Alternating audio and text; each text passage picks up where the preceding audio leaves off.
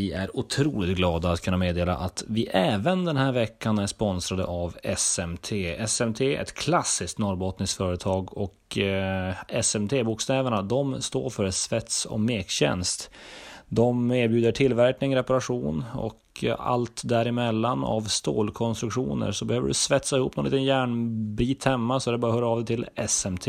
Ja, vi säger stort tack till SMT.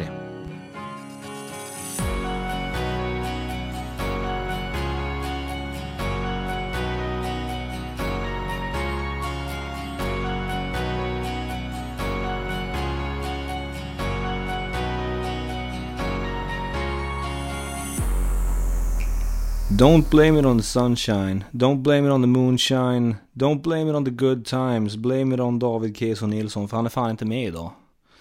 Det här är alltså BC Luleå-podden och mig, Max Wik. Och det här är ett specialavsnitt med Nick Rajacic, eh, Twitter-profil, BTs basketbloggare. Och vi ska snacka lite slutspel idag. Välkommen Nick! Tack! Uh, jag känner mig hemma nu. Är det en specialavsnitt längre? För det är ju typ tionde gången jag gör gäster. Ja, det kanske, det kanske här är den nya standarden helt enkelt. Precis. Vad händer i livet då? Jag vet inte, men innan, innan vi börjar Max har jag tre grejer att berätta som är väldigt viktiga, som jag har tänkt på fett mycket och som gör att jag inte kan sova på nätterna. Vill du höra vad det är? Ja, gärna. Nummer ett. Du är fett bra på ditt jobb. Ja, tack som fan. Nej, men alltså på riktigt. Det, alltså de, för jag kommer ihåg för några år sedan så var BC, BC Luleå och Örebro de enda uh, klubbarna i basketligan som inte hade Twitter. Och jag menar att se den här utvecklingen är uh, otrolig liksom. Och du postar upp grejer på Instagram varje dag och på Twitter och nej jag, jag, jag, vill, jag måste bara säga att du, du gör ett fantastiskt bra jobb och jag vill säga till alla lyssnare, du har inte sagt det här till mig att du ska säga det, okej? Okay? Utan det, det kommer från hjärtat bror. Tack, Förstår så, du? tack som fan, det, det, det, tar jag emot och tackar för. Ja. Okej, okay, grej nummer två som jag tänkte berätta är att jag startade en podcast. Uh, jag spelade faktiskt in ett avsnitt i lördags, men uh, sparade inte den. Uh, det är helt ofattbart, men jag är inte så teknisk, men i alla fall, alla ni som lyssnar på den här podden, min podd heter Sjunde bästa podden och första avsnittet kommer nästa vecka, så lyssna alla ni 213 personer i basket-Sverige som bryr, som bryr er om svensk basket, ta och lyssna. Okej, okay, det är viktigt. Viktigt för mig, jag behöver lite ego-boost. Och grej nummer tre är att David Keso Nilsson är en överskattad poddare. Och jag tror faktiskt att han aldrig hade klarat sig mot uh, tuffare, betydligt mer fysiska poddare från 90-talet. Uh, så det, på ett sätt är det bra att han inte är här. Ja, faktiskt. Säga. faktiskt. På 90 han, han, han, den här snubben är överskattad. Alltså på 90-talet var de jävligt tuffa när de poddade. Ja, och du vet de här poddare från 90-talet, de hade snittat mycket fler lyssnare i dagens värld som är mycket mer soft liksom och inte sådär fysisk. ja, de, de vågade säga det alla tänkte. Precis, de, de var mycket tuffare. Ja, så var det. Hörru du, vi, vi, jag vill ställa någon fråga om din podd faktiskt. Eh, för ja. det, det tisslas och tasslas om att det kommer vara lite, det kommer vara liksom du som snackar själv mest, eller? Precis, det kommer vara jag. Och jag kommer förklara i min podd varför jag tog det beslutet. Men eh, det kommer vara mest jag. Jag är en fullblodig egoist och eh, jag känner så här. Jag känner att de flesta podcasts i hela världen, det är inte bara eran podd liksom, eller Borås Basket, utan det är två personer. Och så känner jag att de, det är två personer som oftast håller med varandra, som har samma synpunkter och så vidare. Och jag gillar inte den dynamiken och det är inget trash. Men eh, jag gillar inte den så jag, jag kommer faktiskt ha gäster men jag kommer verkligen sikta på att ta dit gäster som inte håller med mig. Förstår du? Ja. För uh, det är sådana där diskussioner jag älskar. Uh, och det tycker jag faktiskt uh, det, det, skulle vara roligt att lyssna på. Och det är sådana diskussioner jag och David Keso Nilsson hatar. Vi gillar att sitta och hålla med varandra och det ska inte bli något bråk och något tjafs utan man kan bara sitta och mysa. Nej men det, det händer ju att ni inte håller med varandra men, men ni har liksom det är gemensamma. Ni har, ni har mycket gemensamt, det är inte så konstigt. Ni har växt upp tillsammans och och så vidare. Men, uh, men jag var allvarlig ja. där så jag tycker det är jobbigt med konflikter. Du tycker det? På, på, på Twitter är det okej, okay, men i verkliga livet så nej. Du gillar inte det? Okej, okay, men du ska höra när jag och mina vänner bråkar om typ LeBron. Alltså det, det kan ju ofta sluta i otroliga bråk och utskällningar och jag brukar faktiskt säga till dem, ah fan synd att vi inte spelar in det här. Det skulle vara roligt att lyssna på. Mm. Ja, det är, man skulle haft med sig en poddmikrofon överallt. Du, eh, så här är det. Det vankas kvartsfinal i svenska basketligan här just nu. Eh, vi spelar in det här så är det söndag kväll sent. Jag har precis kommit hem från London. Eh, och vi har, eh, ja vad har vi framför oss? Borås, Vätterbygden, Södertälje, Umeå, Norrköping, Nässjö och sist men inte minst eh, kvartsfinalserien som vi alla ser fram emot så mycket. Det är BC Luleå mot Jämtland. Eh, men vi sparar snacket om den till sist.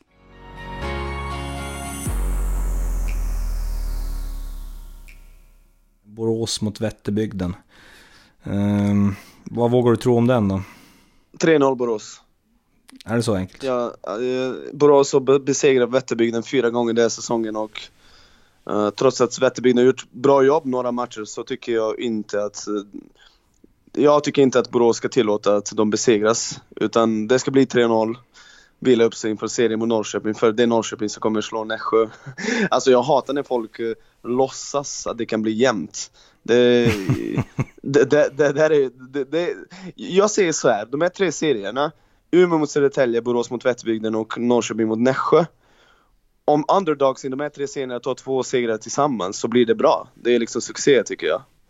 Uh, men okej, okay, Borås, Vätterbygden, jo, uh, Vätterbygden jag, jag älskar Vätterbygden, jag har sagt det många gånger och skrivit det på sociala medier. Jag älskar hur de beter sig, deras kroppsspråk, att de slänger sig efter bollar.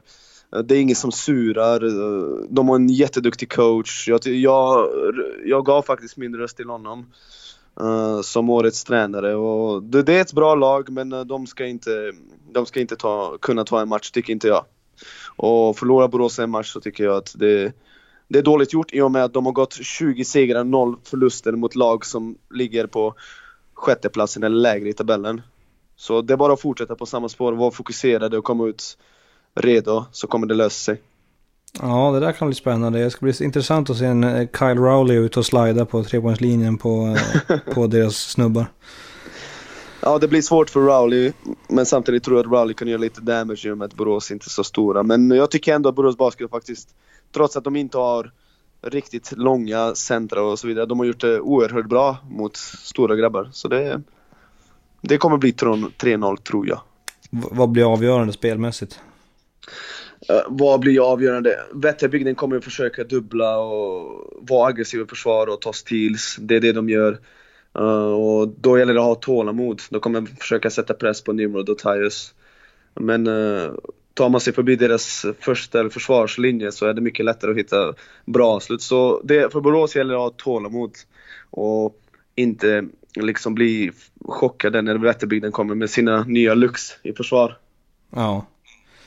Men de, alltså man måste ju säga om Borås, alltså deras import, eh, importer den här säsongen, de har ju lyckats otroligt jäkla bra med dem. Och, och, det är ju, jag tror att vi kanske pratar om det här senaste podden när vi snackar också om hur viktigt det är att pricka rätt med importer. För det här svenska materialet som de har, det har ju inte lett dem till någon större, till någon större triumfer tidigare, utan det är ju, skillnaden är ju verkligen importspelarna.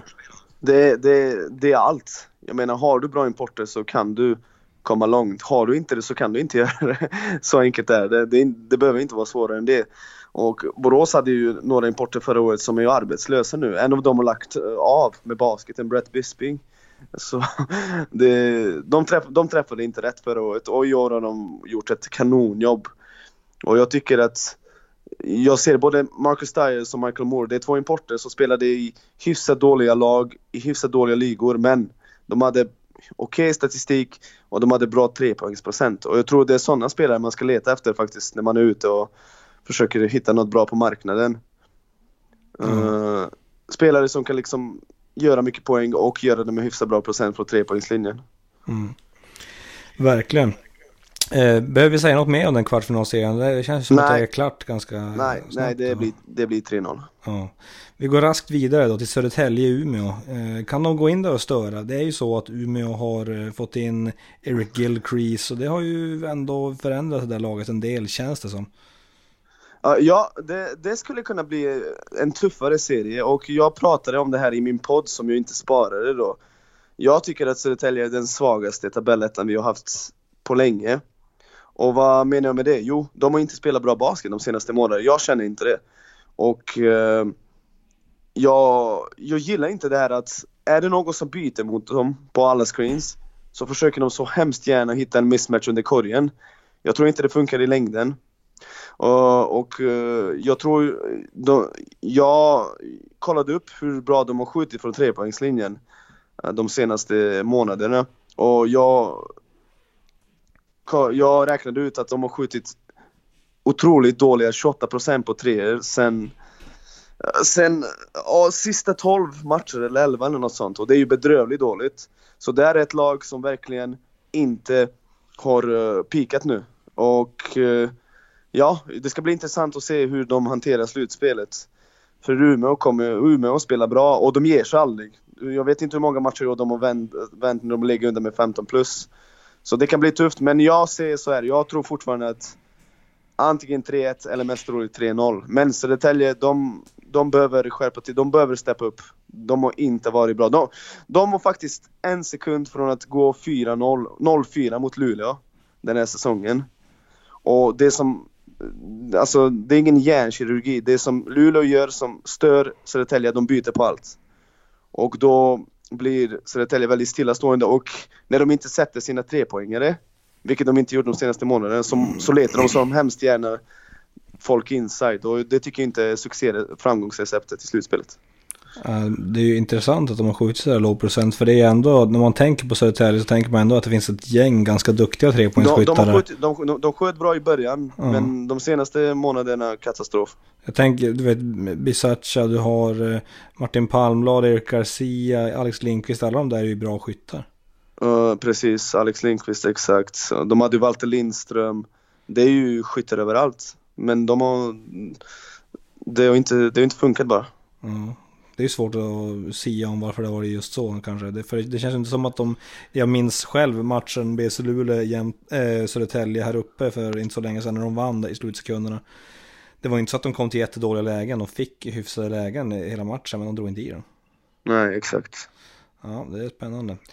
Um, vad tycker du att Eric Gilcrease har betytt för Umeå? För att uh, det känns som att de har fått en helt annan stabilitet sedan han kom tillbaks. Ledarskap framförallt. Jag menar att gå från Omar Krayem till Eli Gilchrist är ju stor skillnad. Omar är ju bättre basketspelare. Men i Gilchrist, man, man, kan, man kan ju se, man kan se liksom på planen att de tittar på honom, de letar efter honom, de lyssnar på vad han säger. och sånt där är så otroligt viktigt. Och så, och så är han en fantastisk mot en försvarare. Och han är en okej okay basketspelare överlag liksom, så han gav lag, laget en ny dimension och lite ledarskap. Mm. han har gjort det bra. Uh, har du något mer du vill lägga till om Södertälje-Umeå? Nej, jag säger så här, det blir 3-1 eller 3-0, men mest troligt 3-0 mm. till Södertälje. Ja, det känns rimligt. Uh, då har vi kvar uh, ännu en kvartsfinalserie som mest troligt kommer bli ganska ospännande och det är ju då Norrköping-Nässjö. Yes. Ger de någon chans överhuvudtaget Nässjö? Nej, det kommer bli 3-0 och jag tror att folk underskattar Norrköping. Trots att de flesta av oss som följer håller med om att eh, Norrköping är guld, största guldfavoriterna så hörde jag väldigt ofta ja men eh, du vet Nässjös lag i Norrköping, bla bla bla. Nej, det kommer bli 3-0. Slutspels Norrköping är ett helt annat lag jämfört med grundserien Norrköping. Och de kommer komma förberedda, de har så mycket rutin. Det är det som är så det, det stora skillnaden. Jag tycker inte att Norrköping har haft bättre grundserie än Borås Basket. Men i en eventuell semifinalserie så är Norrköping favoriter och det är för de, de har varit här, där så många gånger.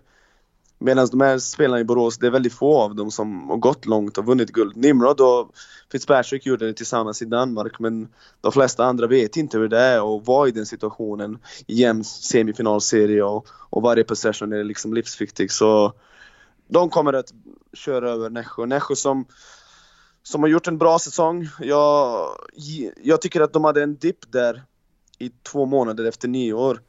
Uh, och uh, jag tycker att de, de, de har inte, de har inte liksom gått framåt jämfört med första halvan av säsongen. Men de är farliga, de har ju importer som kan skjuta bra, de har ju Felix Terings, en orätt kille som skjuter mycket, Ruffin, en av Sveriges bästa centrar. Så de, de är, de, de är, de är ett, okej, ett okej lag, de kommer inte ge sig. De kommer inte bara lägga sig där och låta Norrköping vinna, men uh, det blir 3-0 säger jag. Ja, det är mycket möjligt. De har ju dessutom, jag tror, om, om inte jag tolkar tecknena i skyn fel här nu, men jag såg på Instagram i alla fall att Alexander Gorski skrev comeback season och la upp en bild på sig själv. Det borde väl någonstans betyda att han kanske är redo för comeback nu till slutspelet. Den, den snubben är bra. Den snubben är bra. Det, jag menar, han är väldigt underskattad. Han är en väldigt uh, duktig skytt och han är en okej okay basketspelare. Han, uh, jag tror att hade han varit frisk så hade han liksom höjt sig, höjt sig för varje vecka och det såg vi när han spelade de här, hur många matcher var det, sju eller åtta? Mm. Han, blev, han, han, fick ju mer och mer speltid och blev bättre och bättre men eh, jag, jag har förstått att det inte finns någon chans att han kommer tillbaka, men vem vet? Who knows? Ja, okej, okay. då får vi se vad som händer där. De har ju tagit in eh, brittiska Coffee Josephs, heter han väl, tror jag. Ja, han, eh, jag har inte sett så mycket han, av men, men verkar ha gjort någon bra match. Två, två matcher har varit glödhet, de andra matcherna har varit kass. Så han är väl en snubbe som går upp och ner. Uh, X-Factor tror jag är Tim Schieber. Alltså, folk älskar och hatar på Tim Schieber, men han är så viktig för det Norrköping gör i försvar framförallt. Han kommer in och spelar stenhårt försvar och liksom tar några fouls i början och bara sätter, sätter ribban högt direkt. Och han har faktiskt bäst plus minus i hela ligan. Hans lag är, går plus 10 i snitt per match när han är inne på plan. Det är ganska galet. Uh, så vi får se om han kommer tillbaka. Har du hört något Max? Faktiskt inte. Ja, har jag det? Jag vet inte. Nå, alltså, det, det, det, känns ju som att han kommer tillbaka under slutspelet i alla fall. Okay. Eh, men jag har inte hört, jag har sett någon gång på Instagram möjligen att han har gått, tagit av något gips och, och börjat odla skägg och grejer. Och, jag vet inte vad vi ska dra för slutsatser av det, men då kommer han säkert tillbaka. Så det känns som att det behövs inte att han gör massa poäng. Det som behövs är att han springer runt och slidar och tar lite fouls och irriterar folk. Ja, exakt. Eh, det måste man säga, när vi mötte Norrköping, när han var med, det var ju solklart hur mycket han hade snackat om att gå in och, och konstant faula Corban Collins och, eh, och Thomas Massamba bara för att få dem trötta och förbannade. Ja, men han, han, han gör sitt, bra, sitt jobb bra. Ja. Jag, jag tror att Annan säger till honom, bara gå och gör din grej. Jag ja. tror inte att han säger till honom, Timby, du måste backa, du måste lära dig att inte falla. Nej, han säger liksom, gå och kör all in och bara gör din grej. Och Edvin Stark går i hans skola lite grann. Ja, exakt. Så är det. Norrköping-Nässjö, ja. Eh, men de, de, kan nog kanske vara det laget som kommer ha eh, som kan göra bäst jobb på, på Källbom, tror du det? Darte Ruffen, hur har, hur har den matchupen sett ut genom åren? Ja, Dart är en riktigt bra försvarare men det kommer inte spela så stor roll tycker inte jag. Nej. Nej. Nu vill jag prata Luleå Jämtland, kom igen. Ja, det, det, det, vill, det är det du vill, det är det folk vill höra. Ja, ja vi har, vi har, vi har eh, lurat in och i massa svammelsurr här med alla de andra trå tråkiga kvartsfinalserierna för att komma till den som faktiskt, där det faktiskt kan hända någonting. BC Luleå Jämtland, vad, vad ska vi tro om det här egentligen? Alltså det, det, det kommer ju bara bli en eh, episk serie och det kommer bara bli jämna matcher. Och jag skulle faktiskt kunna skriva en hel bok om den serien. Jag har tänkt på den serien jättemycket. Uh, det är så många olika faktorer som kommer vara så viktiga. Och det är små detaljer som kommer att avgöra. Uh, nej, eh, uh, 20 förluster i rad för Jämtland. Det, det sitter ju i deras huvud. Det gör det bara. Uh, och ja, personligen så tycker jag att Jämtland just nu har bättre spelartyp på pappret än Luleå. Det låter otroligt men det tycker jag verkligen. men samtidigt så Luleå har ju liksom de har rutinerade spelare, de vet att de äger Jämtland. Alltså uh, mentalt, de gör ju det. Och också spelar de bra försvar, det är det Luleå gör och det är väl det som Peter Ökvist lag är bra på. De pushar bollen och så spelar de bra försvar. Det, ja, det känns som att eh, folk glömmer att nämna det ofta när de pratar om Peter Ökvists eh, system och så vidare. Och så säger de att ja, det är alltid samma transitionspel” bla bla bla. Ja, men Peters lag spelar alltid bra försvar också. Aggressivt försvar. Så Luleå favoritet, men Jämtland skulle kunna skulle kunna vinna och då, då, då måste vi prata om match 1. För det är den som är så otroligt viktig. Det är match 1 som kommer avgöra den här serien. Uh, och vi har sett genom åren, och jag har faktiskt kollat nu de senaste 10 åren, i 95% av alla slutspelsserier, laget som vinner match nummer 1 vinner ju serien också. Vi har haft några undantag. Exempelvis förra året, Norrköping förlorade första finalmatchen mot BC Luleå och vann guld på ett otroligt sätt. Det kommer du ihåg Max, eller hur? har ett svagt minne av att det hände någonting. och sen har vi även eh, eh, 2015 när Uppsala slog Borås Basket. Borås Basket vann första matchen, sen förlorade de 4-2 men annars är det nästan alltid laget som vinner match nummer ett. Så har du hemmaplan, hemmaplansfördel, vinner du match ett så är du good nästan. Sen är det inte, det är inte så det funkar egentligen. Det är inte så att man vinner första matchen och sen okej, okay, nu behöver vi inte spela mer.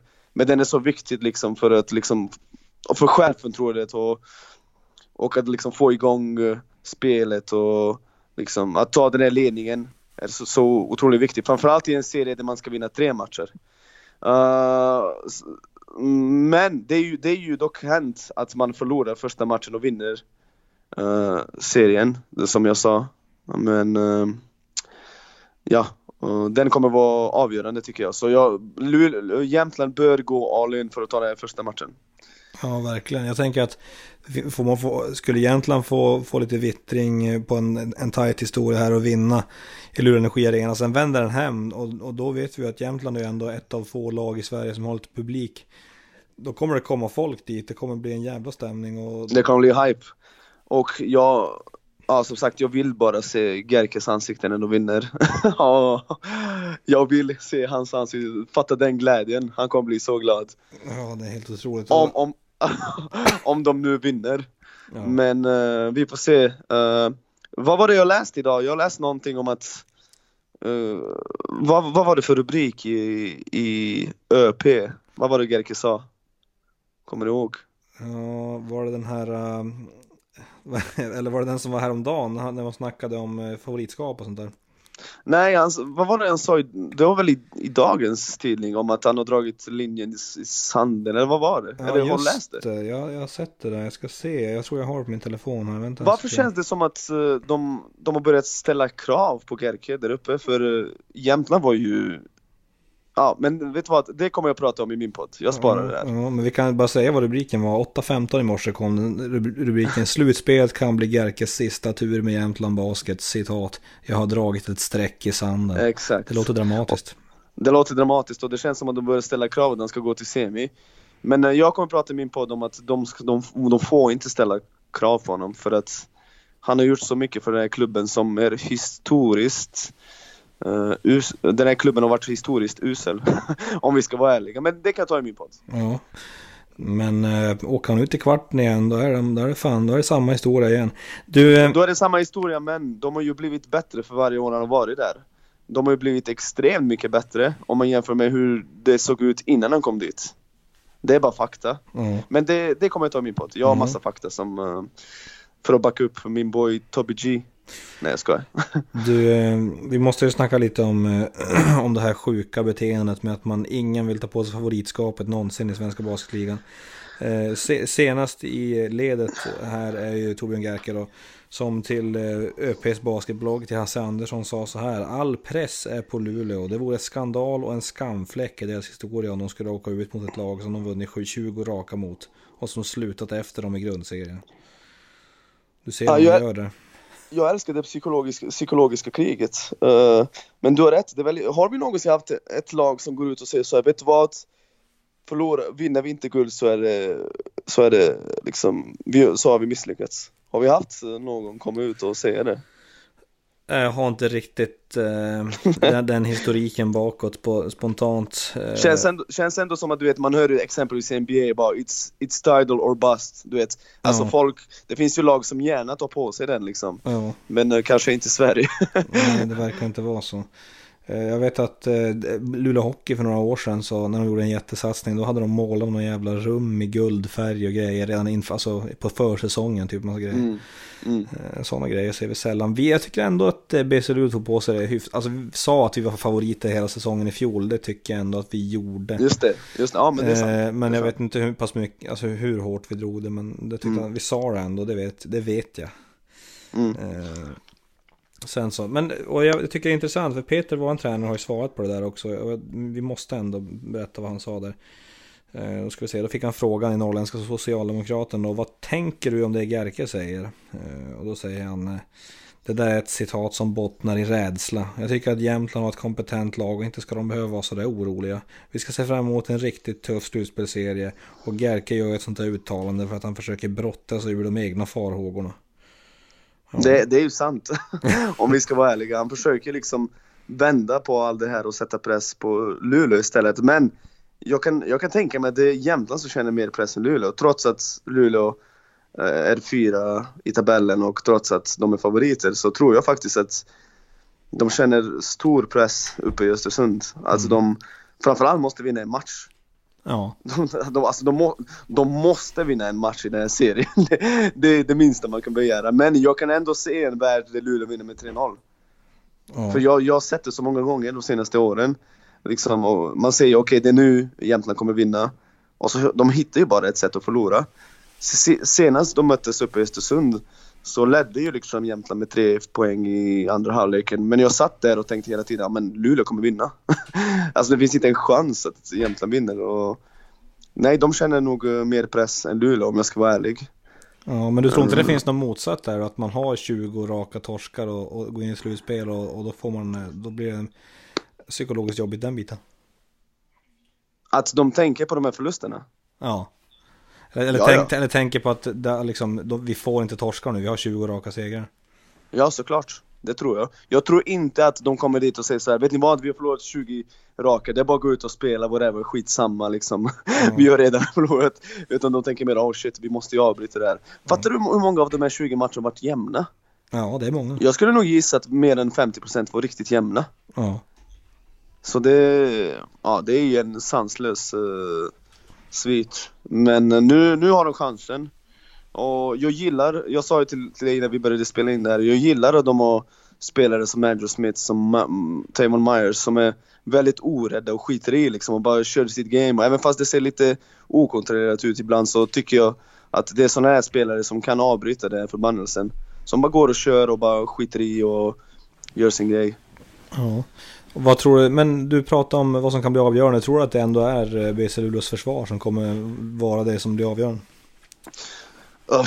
ja, det är många olika. Alltså, vi får se vad uh, Jämtland kommer att göra mot uh, Corbin Collins. För vi vet ju, alltså vi har pratat om det här så många gånger.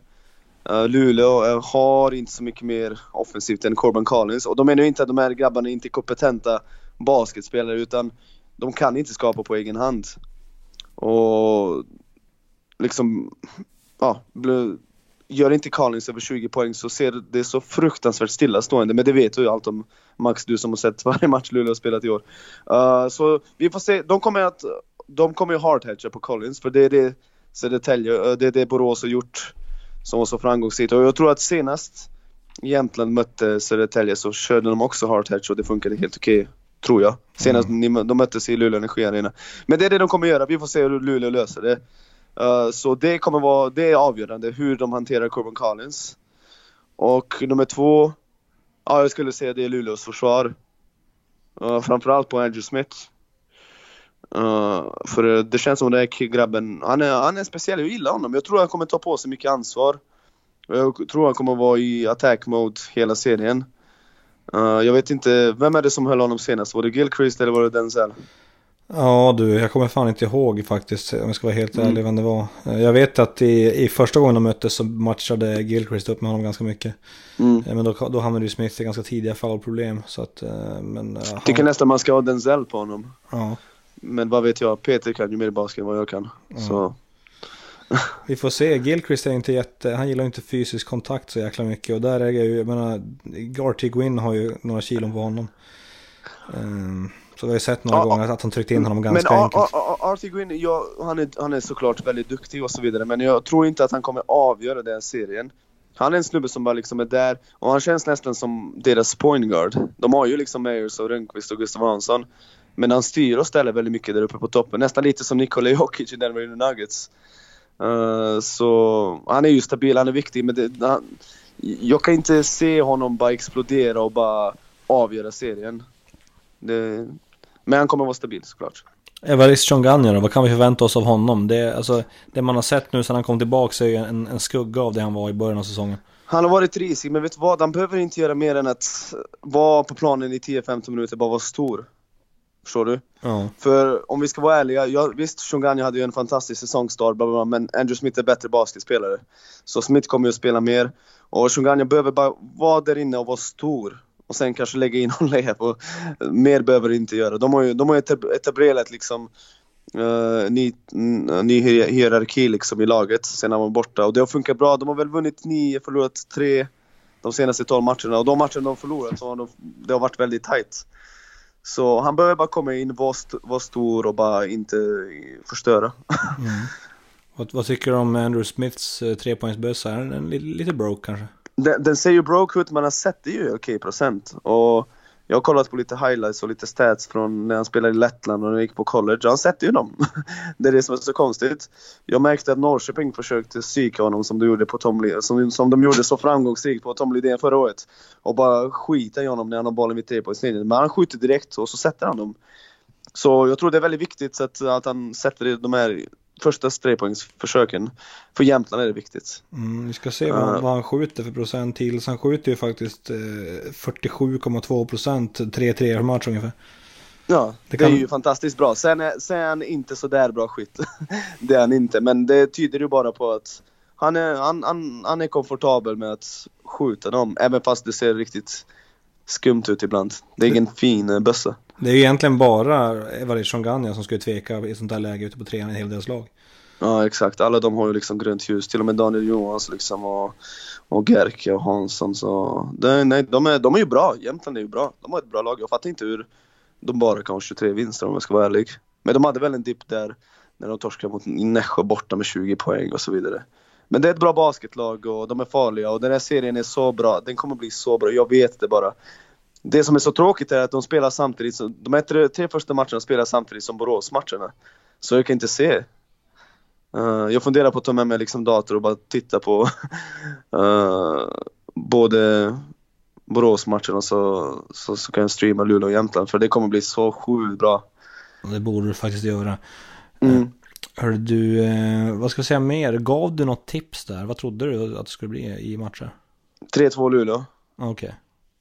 Jag tror att alla vinner sina hemmamatcher. Uh, jag, jag, som sagt, men det kommer vara match nummer ett som kommer vara avgörande. Den kommer uh, vara så viktig. D- 2016 eh, kommer jag ihåg vann Norrköping mot Luleå första matchen och de vann även andra matchen. De vann två matcherna på bortaplan. Jag kommer ihåg att när Södertälje vann sitt första guld så snodde de första bortamatchen mot Sundsvall. Så ska man skrälla så måste man liksom ta det där första matchen, annars är det nästan om- omöjligt. Mm. Eh, så match nummer ett, den är oerhört viktig. Det Men här, jag säger 3-2 Luleå. Vad säger du om det här då? Nu har jag varit i London sedan i torsdags så jag vet inte exakt allt som har hänt. Men jag har läst mig till att Denzel Andersson har varit sjuk. Eh, Du, du vet vad? Han kommer spela. ja. Det är 100% chans på att han spelar. Om han inte spelar då får de inte en mycket bättre chans att sno den där första Jämtland. Ja, men han kommer spela. och han kommer vara bra. Sen måste jag säga att Denzel har varit väldigt eh, kall från trepoängslinjen de senaste veckorna. och Jag vet inte vad det är som har hänt. Uh, han missar de här öppna skotten som han satt hela säsongen, så... Är det förkylningen? Hur länge har han varit förkyld egentligen? Ett halvår. Ett halvår, precis. Du Denzel, ät eh, clementiner och drick C-vitamin så blir det bra. Du, eh, det sista vi gör i den här podden tycker jag är att vi pratar lite grann. Du har haft lite omröstningar på Twitter. Eh, Jajamän. Diverse omröstningar. Den första, du har haft eh, basketligans bästa spelare genom tiderna och då snackar vi sen basketligans startsäsongen. Var det? 1992, ja. Ja, exakt. Eh, och Eric Elliott, vinnare. Ja, exakt. Det, jag hade ju Eric Elliott, Jukka Kjellbom, Tony Bizaka. Uh, vad hade jag mer för spelare? Jag hade... eh, nu kommer jag inte ihåg Håke längre. Larsson, John Rosendahl. Hå- Håkan Westby. Larsson, OSP, just det. Uh, sen hade jag även uh, JJ Miller. Men Eric Elliott var en överlägset, det var aldrig nära. Var, varje serie, som, alltså varje motståndare slog han med stor marginal. Och jag, jag börjar faktiskt undra, alltså den där kärleken svenska basketfans har för honom, det verkar vara lite överdriven. För det är väldigt få som vågar säga något. Du vet oftast när man pratar om någon så säger man så här, du vet Alex Westby, ja, han var bra men du vet han kunde vara lite för tjatig på planen, klagade liksom. Han ställde väldigt höga krav på lagkamraterna och hans trepoängsbössa var inte sådär jättebra. Alltså du vet, man kan ju hitta sådana saker, exempelvis Kjellbom. De flesta som har sett Kjellbom spela säger så här, okej okay, men när jag möter spelare från andra ligor som är mer fysiska, förstår du? Ja. Det, man, man, kan alltid hitta något negativt hos någon. Hos alla spelare liksom som spelar i, i basketligan. Men just Eric Elliott, det, det, är väldigt få som säger som hittar något negativt att säga. Jag har bara hört det från en före detta lagkamrat och han sa till mig så här. Han sa så här, vet du vad Nick? Han var faktiskt skitdålig i försvar. okay. Men uh, jag har aldrig sett honom spela så jag vet inte om det där stämmer. Men uh, nej, det är oftast i superlativ folk uh, frågar och pratar om honom och man märker ju verkligen hur mycket han har betytt för uh, basketen i Luleå och även i hela Sverige så han är en legend och han vann stort. Sen, uh, sen tycker jag att Kjellbom borde ha gått till final och inte Tony Bizazze för jag menar Kjellbom har spelat i ligan sedan 2003. Han hade väl ett och ett halvt år i Georgien. Ja. Men han har, han har varit dominant i 15, mer, 16 år liksom. Och varje lag han spelar för kommer långt i slutspelet. Så det är väl de två som har varit bäst, I guess. Men Erik Elliot vann stort. Det är sjukt tycker jag att, eh, att ändå han gjorde det. För att så jävla stark fanbase har inte, har inte Luleå på, eh, på Twitter. Nej, jag, jag, tror, tror att det var från det... flera andra lag också. Ja, exakt, exakt. Jag, jag, jag såg ju, det var det var någon random snubbe från Borås som skriver om NFL, som skrev ja, jag kommer ihåg på 90-talet, det var kul att se honom i Borås, han var så bra liksom.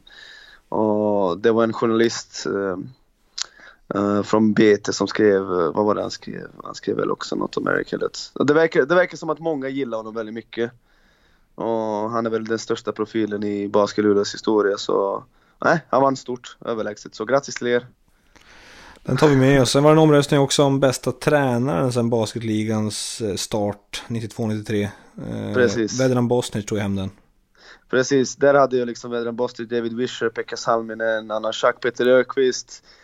Sen hade jag Pat Ryan, Kelly Grant, Torbjörn Gerke, Jonte Karlsson och sen medvetet valde jag att inte ha Wally Smith och Charles Barton. Uh, men som sagt, det är, en, det är min lista som jag, det är jag som bestämmer som kommer med. Och där som du ser, det, där är det Vedran som vann väldigt överlägset. Jag är faktiskt chockad. Uh, eh, inte för att Vedran inte är en bra coach utan uh, jag vet att Wisher har vunnit fem, fem guld va? Med två olika klubbar. Och Exakt. jag vet att många verkligen älskar jobbet uh, Pekka Salminen gjorde i Solna. Men uh, nej, Vedran har ändå haft väldigt han har haft en riktigt, han har gjort ett bra jobb i Södertälje, det är inget snack om saken. Och förtjänar, enligt mig, alltså av de här coacherna som jag har sett som jag tycker, så tycker jag att han har varit bäst. Tycker du, du och framförallt David samma sak, Max? Det är frågan. Uh, vi, uh, vi vet nu, agree to disagree. Tror jag, tror jag vi säger okay. i, det, i det ämnet helt enkelt. Du, och sen så eh, kan man väl säga att det känns som att mycket av hans eh, uppenbarelse och, och värv har byggt på lojalitet eh, som kanske också återspeglar sig i, i röstandet. Mm. Ja, men uh, samtidigt, jag tror inte att, precis som du säger Mulle, jag tror inte att Södertälje har sån stor fanbas, fanbase på Twitter liksom. Men, men han vann stort och jag tycker att han var välförtjänt så han är duktig. Han är bra coach. David Vischer då? Du hade, tycker inte att han, hade du, trillat av stolen om han hade vunnit? Hade det känts men, fel? Eller? Nej, verkligen inte. Och vet du vad? Jag flyttade till Sverige 2007 och det var väl hans sista säsong. Så jag har inte sett så mycket om, men jag pratar ju med hans eh, gamla spelare. Du vet, jag, jag älskar ju att höra stories. Uh, precis som jag älskar att höra stories om spelarna och liksom Eric Elliott och alla de här som dominerade på 90-talet. Så fråga om David Wisher och jag, hör, jag, jag hörde att spelarna älskade att spela för honom och han, var, han brydde sig väldigt mycket om spelarna. Han tog verkligen tid att snacka med dem efter träningar, innan träningar och han kunde bli arg på dem. Jag har fått höra att han kunde bli väldigt röd i ansiktet och bara eh, skälla ut folk. Men eh, spelarna respekterade honom, spelade liksom hårt för honom och jag menar vinna fem guld på, hur många år var det? Åtta? Sju, åtta? Det är väldigt starkt gjort. Så jag hade inte blivit förvånad om han vann heller, nej.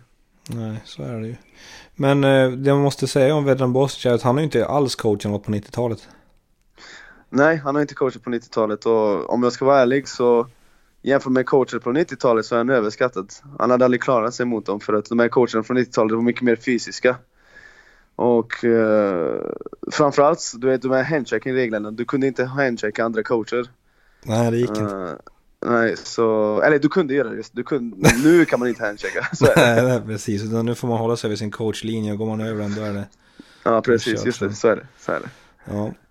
Hör du, eh, det, det, var väl trevligt att surra. Jag känner mig ganska nöjd sådär.